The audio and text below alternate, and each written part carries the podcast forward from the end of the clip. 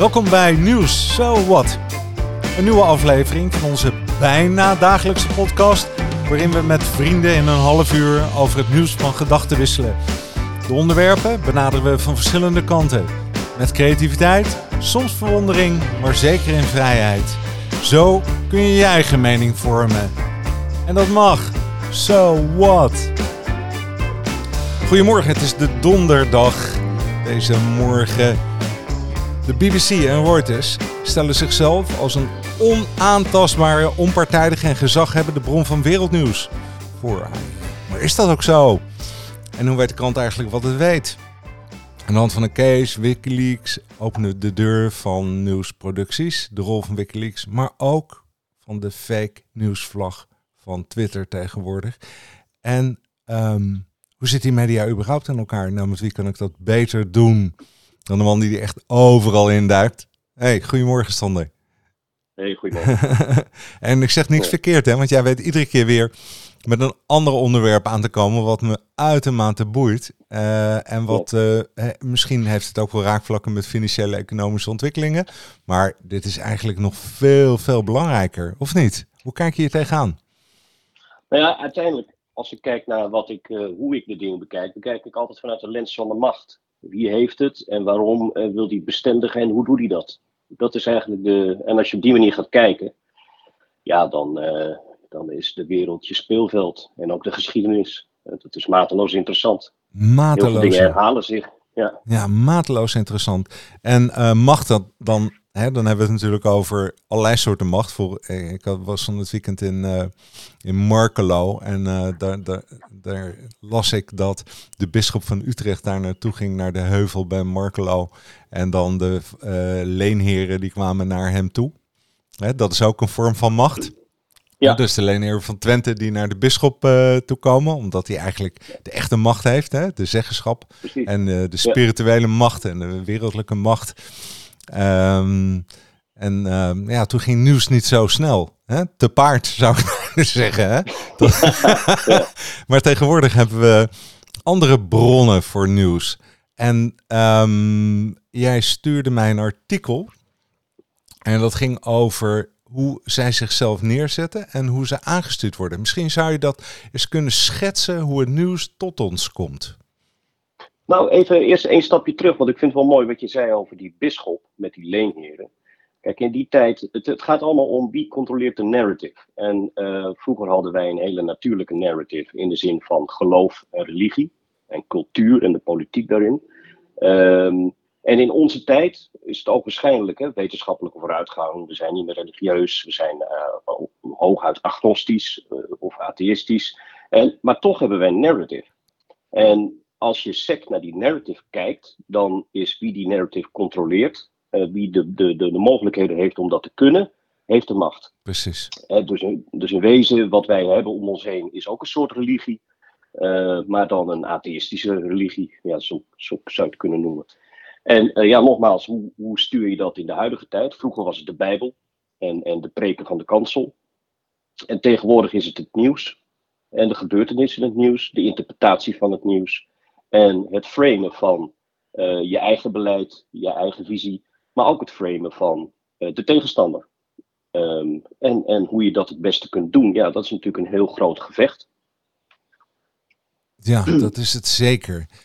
Want um, Kun je die stroom eens laten zien? Uh, hoe dat nieuws tot stand komt? Kun je daar eens wat over vertellen? Nou ja, je hebt in, uh, uh, in, in de, de westerse samenleving heb je allerlei, na de Tweede Wereldoorlog, al, allerlei, ehm, ja, hoe zeg je dat, uh, centralisaties gezien eh, van, van bedrijven. groot is goed, want als je groot bent, dan heb je een global reach. En dat is ook gebeurd in, in de wereld van de nieuwsvoorziening. Ja. dus in wezen heb je in, in de wereld drie grote persagentschappen. Een, een persagentschap, dat is iets als, als het ANP in Nederland, hè? Dat ja, is ook een, dat is een nou, kleine dus de, lokale persagent. Precies, dus de, de, de, het, het nieuws wordt eigenlijk gemaakt door die grote mondiale organisaties, zoals ook Reuters. Ja. Um, en en de, dan heb je daaronder een hele grote groep kleinere organisaties. En die maken eigenlijk gebruik van het nieuws dat wordt gemaakt door die drie grote organisaties. Associated Press hè, in Amerika.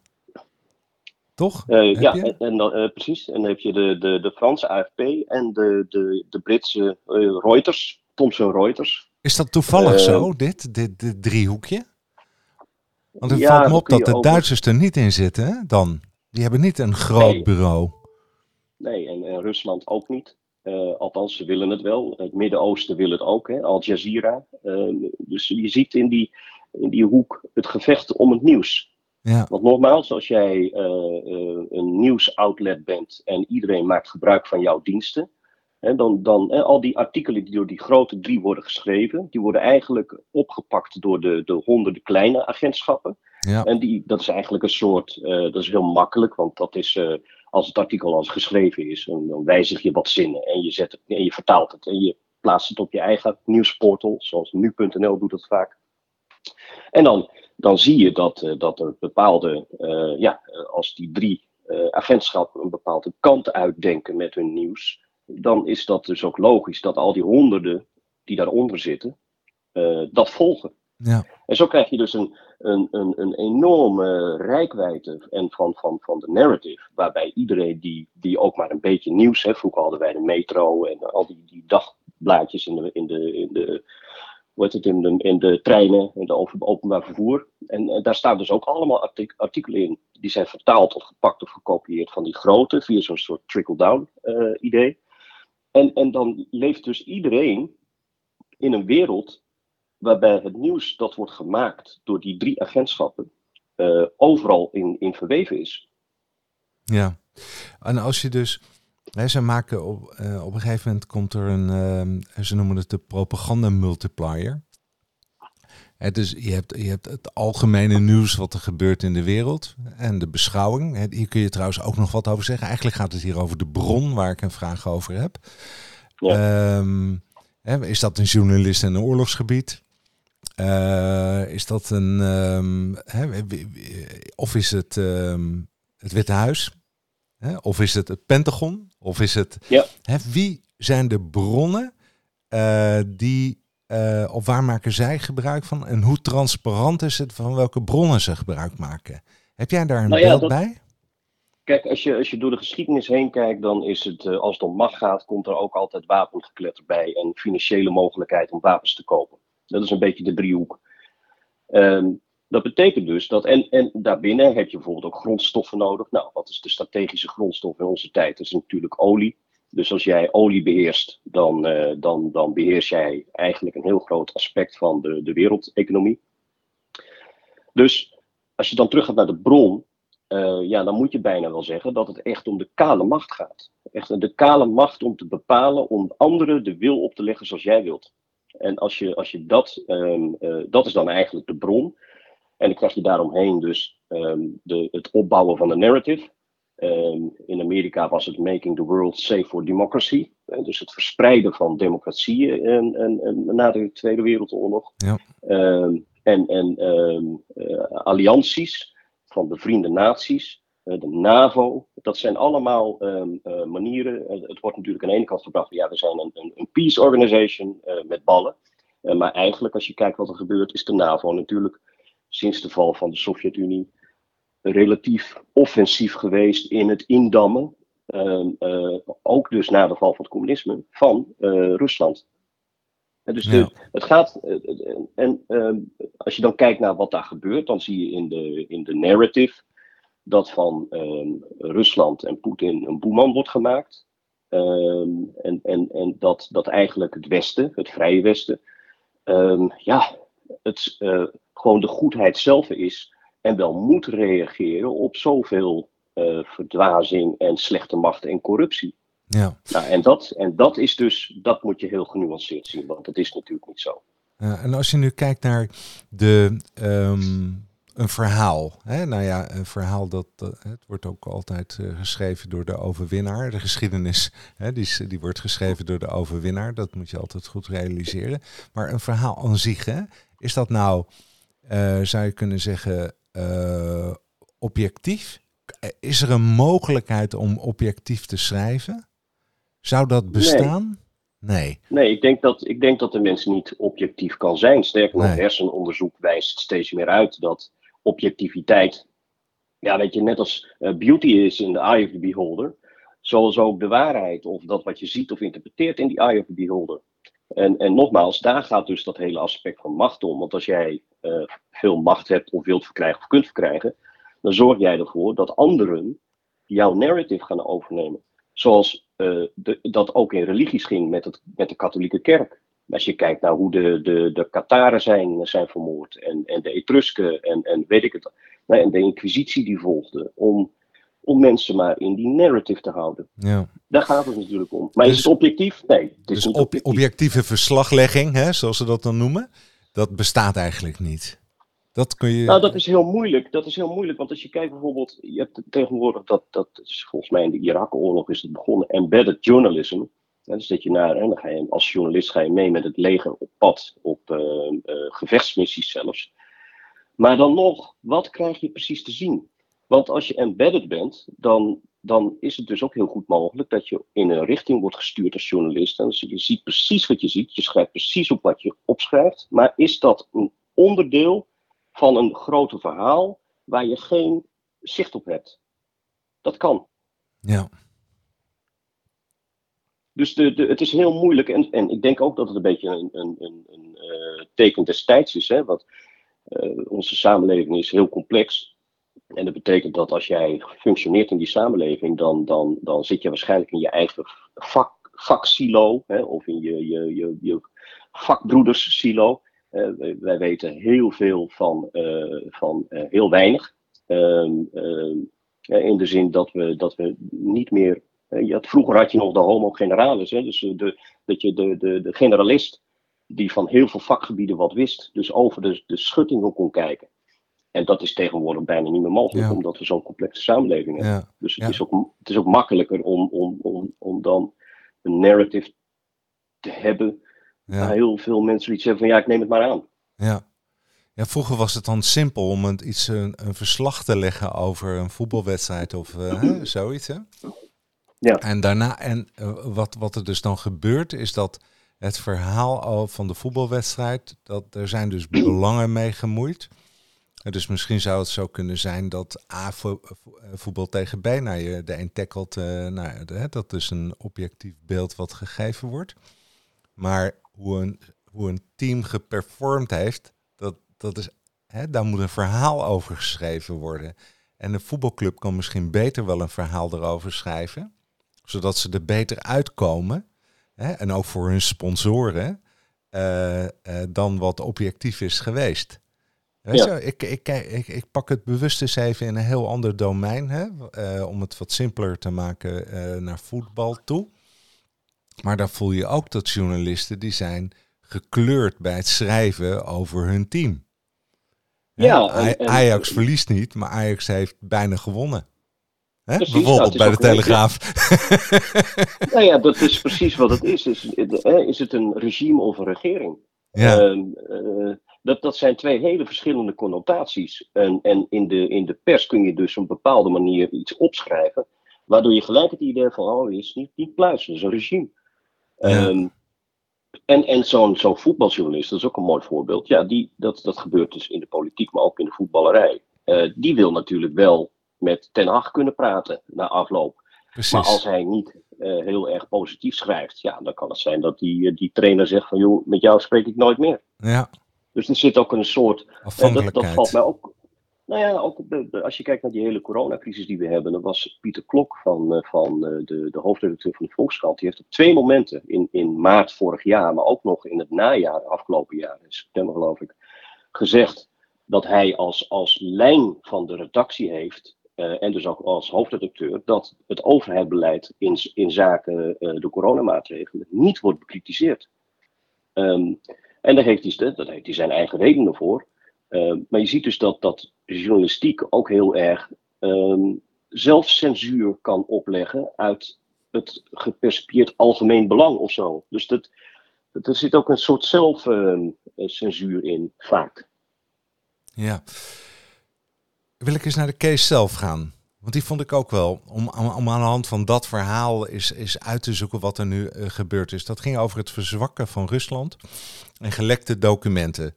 Um, ja. hè, je stuurde me dat toe, de Grey Zone, hè, waar dat artikel in uh, geschreven stond. En dat werd weer overgenomen van een ander. Maar uh, hè, daar zit natuurlijk ook altijd een probleem in. Hè? Het overnemen van een ander en, het overnemen, en, en zelf geen eigen research meer doen, maar alleen maar overnemen. Hè? Maar voilà. Nou, dat is, dan moet je, ook hierin moet je terug naar de bron. En het overigens het interessante van deze uh, casus is dat de bron die het hackerscollectief Anonymous is. Ja. Um, en die hebben documenten uh, naar boven gehaald waaruit blijkt dat er een samenwerkingsverband is uh, onder de radar, strictly, strictly confidential, tussen de, de Britse regering, uh, de BBC en Reuters. Ja. Om daadwerkelijk en in, in, en Bellingcat, ja, dat is ook Hoe is dat nou mogelijk, hè? Daar begrijp ik helemaal niets van. Ja, dat Bellingcat, dat kennen wij natuurlijk allemaal van de MA17. Precies. En, en wat zij allemaal naar boven hebben gehaald. Ja. Dus dat is een bron, ja, dat is, dat, die wordt algemeen helemaal vertrouwd. En, uh, en die zit altijd spot on. En die, die blijkt nu mee te doen in een, in een, um, een poging, uh, een ongoing poging om de Russische uh, macht te verzwakken. Precies. Dus daar zie je ook al aan hoe dus... belangen. je hebt de narrative en, en je hebt de achterkant. Ik vind het uh, achter het nieuws, zeg maar. Ja. Was dat uiteindelijk ook een goed programma, achter het nieuws? nou, ik vond de titel beter, maar... oh ja, ja, ja, ja, ja, ja, ja, ja, ook dat nog. Nee, maar die, dit is pas uh, net gebeurd, hè? In uh, januari ja. 2020. Ja. Nou ja, een jaar geleden, dat die serie van documenten declassified is. Mag ik je dan vragen waarom er zo weinig over bekend is? Blijkbaar is het ja, bekend. Het is gepubliceerd, maar er wordt geen aandacht aan gegeven. Het nou past ja, dit niet. Is dus ook weer, dit is dus ook weer wie maakt het nieuws en wie pakt het op. En als het niet op wordt gepakt, dan is het voor een heel belangrijk deel, omdat de meeste mensen consument zijn van die grote drie uh, persbureaus.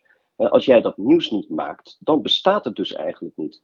Dat is het interessante van dit hele fenomeen. Als je, als je die, die, die, die deep dive maakt, dan zie je dat het wel degelijk bestaat. Maar als het in den brede niet wordt opgepakt, ja, dan is het voor de meeste mensen gewoon non-existent. En op die manier kun je dus als, als, als regime of als regering uh, uh, het nieuws sturen. En dat, doen, dat doet Poetin overigens, en dat, dat, maar dat doen wij ook. Dat is de grap van, uh, van de zaak. Het is eigenlijk een soort ja, kat-en-muisspel. Maar nogmaals, in je, in je eigen uh, narrative krijg je altijd het idee dat, dat, dat, jullie, uh, dat wij de goede zijn en dat zij de slechte zijn. Dat is eigenlijk ja. altijd wat er gebeurt. Dus we moesten eraan wennen dat er bewust hè, een verhaal, een negatief verhaal ergens over gepubliceerd was, of een verhaal bezijde de waarheid, laat maar zo zeggen.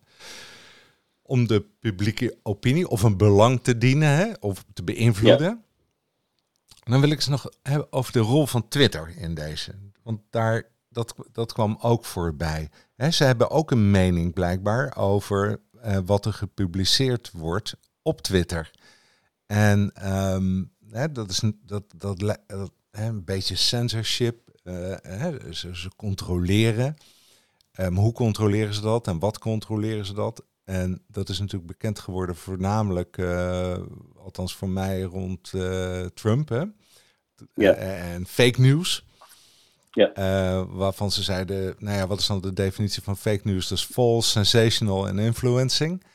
Uh, en als het zo'n beetje in die criteria zit, dan uh, moet dat, hè, dan moet het in ieder geval kenbaar gemaakt worden dat het fake news is. Maar ja, die schreef, riep ook overal fake news over. Um, interessant is nu dat WikiLeaks als een soort fact-checker optreedt. Hè? Ja. Uh, of ze stimuleren dat je factcheckers optreedt. Wat is een factchecker in deze?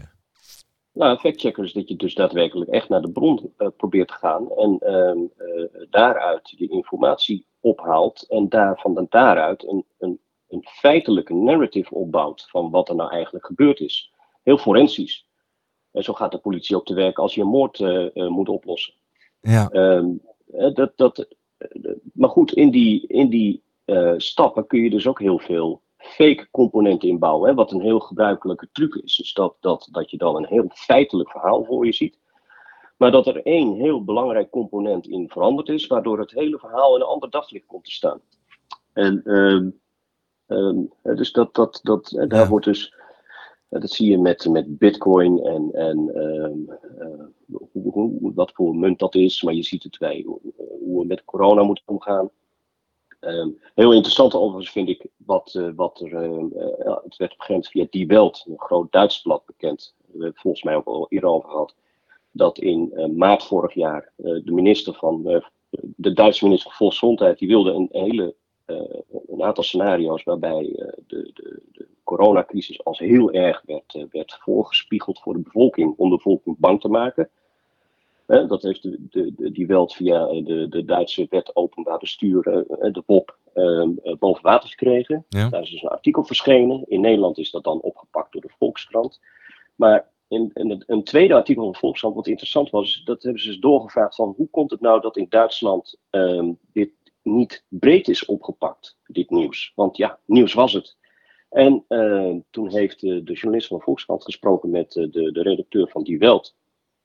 En die zei uh, onomwonden van, nou ja, weet je, de grote persagentschappen in dit land en de grote tv-zenders, die zijn simpelweg niet bij ons gekomen om, om te vragen wat het bronmateriaal is. Ze deden niet eens het interesseerde ze niet. Ja. Dus dat is de reden waarom het in Duitsland niet breed is uitgemeten. dus het, het, het, het, niet meenemen van, uh, van onderwerp is dus daadwerkelijk ook een, echt een tactiek. En in dat geval om de regering niet voor de voeten te lopen, het beleid van de regering. Ja. Heel politiek correct. Ja. En, en, en overigens wat jij net noemde, dat, dat is ook interessant. De social media, dat zijn dus de, de Twitter en zo. Dat zijn eh, dus outlets waar ehm, dit nieuws dan wel grote verspreiding kent.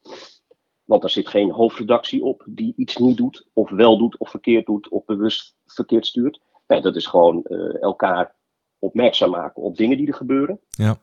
Bij, bijna grassroots. En dan zie je dat die organisaties zoals Twitter, die gaan zich ook opstellen als uh, verlengstuk van de macht door te gaan censureren.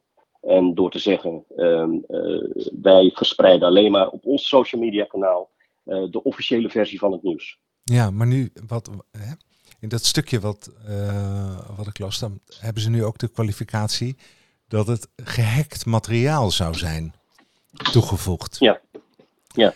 En, um, maar voegen ze dat alleen maar toe? De één, hoe weten ze dat, denk ik dan? En twee, maakt het uit hè, of het gehackt materiaal is? Wat is hun kwalificatie? Uh, hè, wat willen ze daarmee zeggen dat het gehackt nou, is? Dat, dat zegt Twitter dus. Hè? Dat is een, um, een, een, een, manier of een mogelijkheid voor hen om het nieuws um, uh, in discrediet te brengen. Dus aan de ene kant er al een zweem van, oh, dit is gehackt, uh, dit is gevaarlijk. Dus nep, of het kan waar zijn, nep, ja.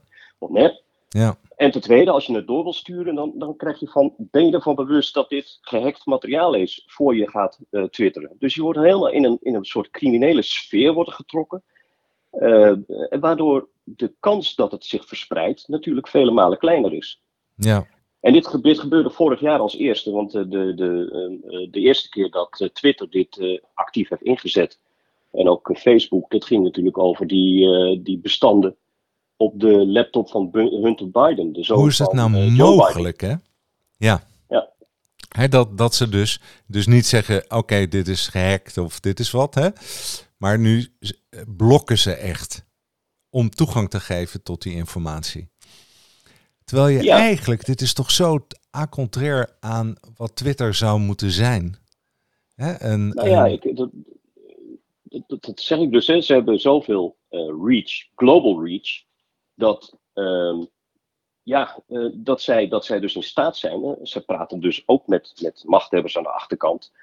De, de, ehm, ik geloof dat, dat een, een belangrijke eh, directeur van Facebook heeft gewerkt in het campagneteam van de Democraten. Ehm, vier jaar geleden onder Hillary Clinton. dus ja, de, de, de, Kijk, uiteindelijk nogmaals, het gaat om macht. En als je de macht hebt en je zit, en je, dan, dan ga je je bemoeien met de narrative, omdat je die macht wilt behouden. Ja. En dat, is, dat, dat zei um, uh, George Orwell al in, in, in, in, uh, in zijn boek 1984, maar ook daarvoor in een, in een pamflet over politieke taal, wat hij schreef. op basis daarvan heeft hij eigenlijk zijn, zijn dystopie ja. geschreven. Ja. Ehm, dat, dat, dat de taal een, een, een heel belangrijk instrument is. Ehm, en, en dat dus ook uh, concepten veranderen, de, de narrative verandert. Uh, allemaal ten gunste van degene die, die voor en achter de schermen aan de knoppen draaien. Want het gaat gewoon, nogmaals, alleen maar om macht en machtsbehoud. En, en als je daarvoor nodig is om, om je, je verhaal 100, 100% uh, te draaien of 180% te draaien, dan doe je dat. Ja, hoe komen we uit dit moeras? Is er, is er een weg nog hieruit? Is er in het verleden, hè, in een andere context dan, dan, dan dit, is, wat is een mogelijkheid om hier uit te komen nog? Of, of nou moeten we ermee le leren leven? Nou, ik denk dat dit, dit hele kat-en-muisspel van, uh, van uh, de, de, de dominantie van wie is de baas over de narrative, um, dat is van alle tijden. Het punt is dat je op een gegeven moment wel ziet dat de dominante narrative op een gegeven moment voor steeds minder mensen aantrekkelijk is, omdat het niet meer levert. Hè, bijvoorbeeld economische groei. dus, dus op het moment dat de dominante narrative steeds kaler dienst doet als, uh, als, als, als uh, ja, hoe noem je dat? Uh, manier voor de zittende elite om te blijven zitten.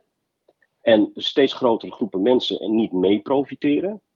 Ja, dan zie je altijd dat er bewegingen opkomen van, van mensen die zeggen: hé, hey, maar uh, dit is niet meer voor mij. En, en dat er zich counter-narratives gaan ehm, voordoen. En counter-narratives, dat, dat heet in onze tijd complottheorie. Ja.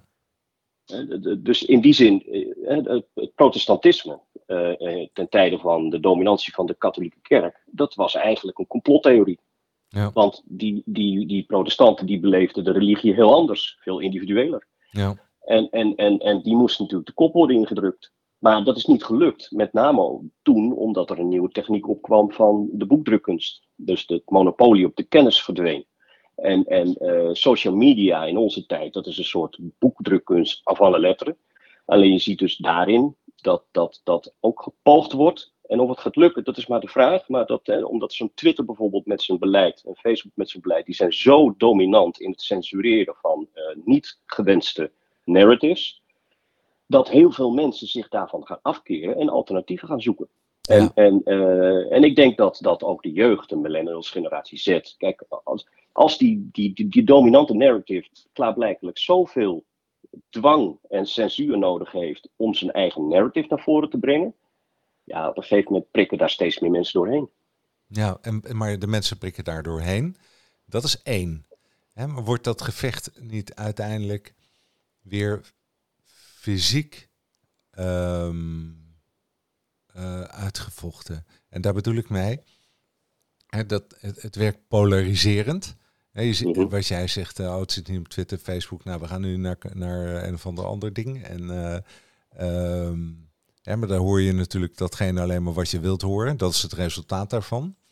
Maar op een gegeven moment word je er, ben je er zelf fanatiek in en over. Uh, hè, dat, dat, dat het uiteindelijk misschien wel eens beslecht zou kunnen worden op de grond. Ik noem maar iets. Nou, nou ja, kijk, het is niet voor niks denk ik dat bijvoorbeeld het kabinet uh, in zaken de coronamaatregelen heeft gekozen voor een, een subtiele versoepeling. Omdat de, de, alle planbureaus die we hebben in dit land, uh, die waarschuwen voor een, voor een ineenzakken van de cohesie.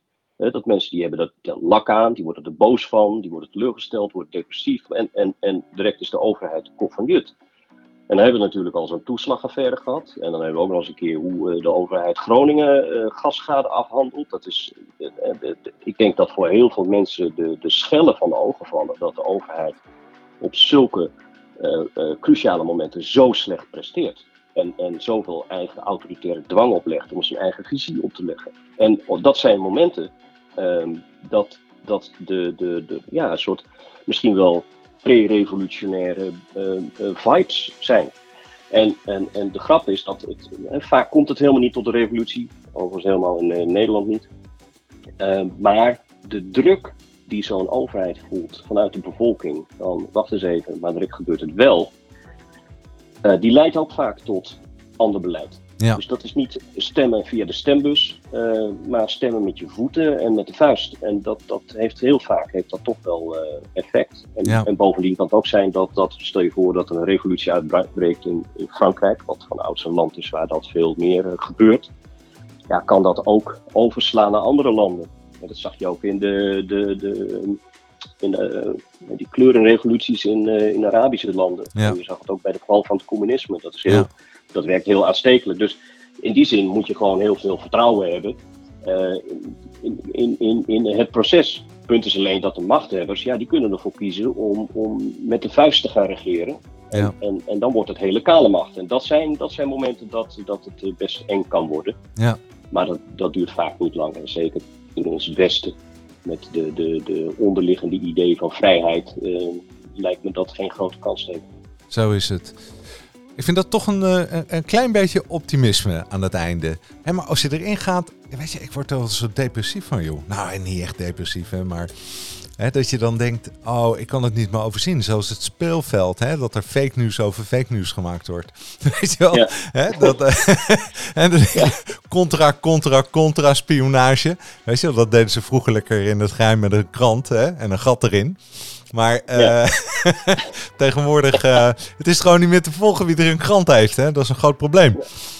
Hey, enorm dank, Sander. Het was uh, buitengewoon interessant. Hartelijk dank. Okay. En tot volgende keer. Dag. Jojo. Yes, hi.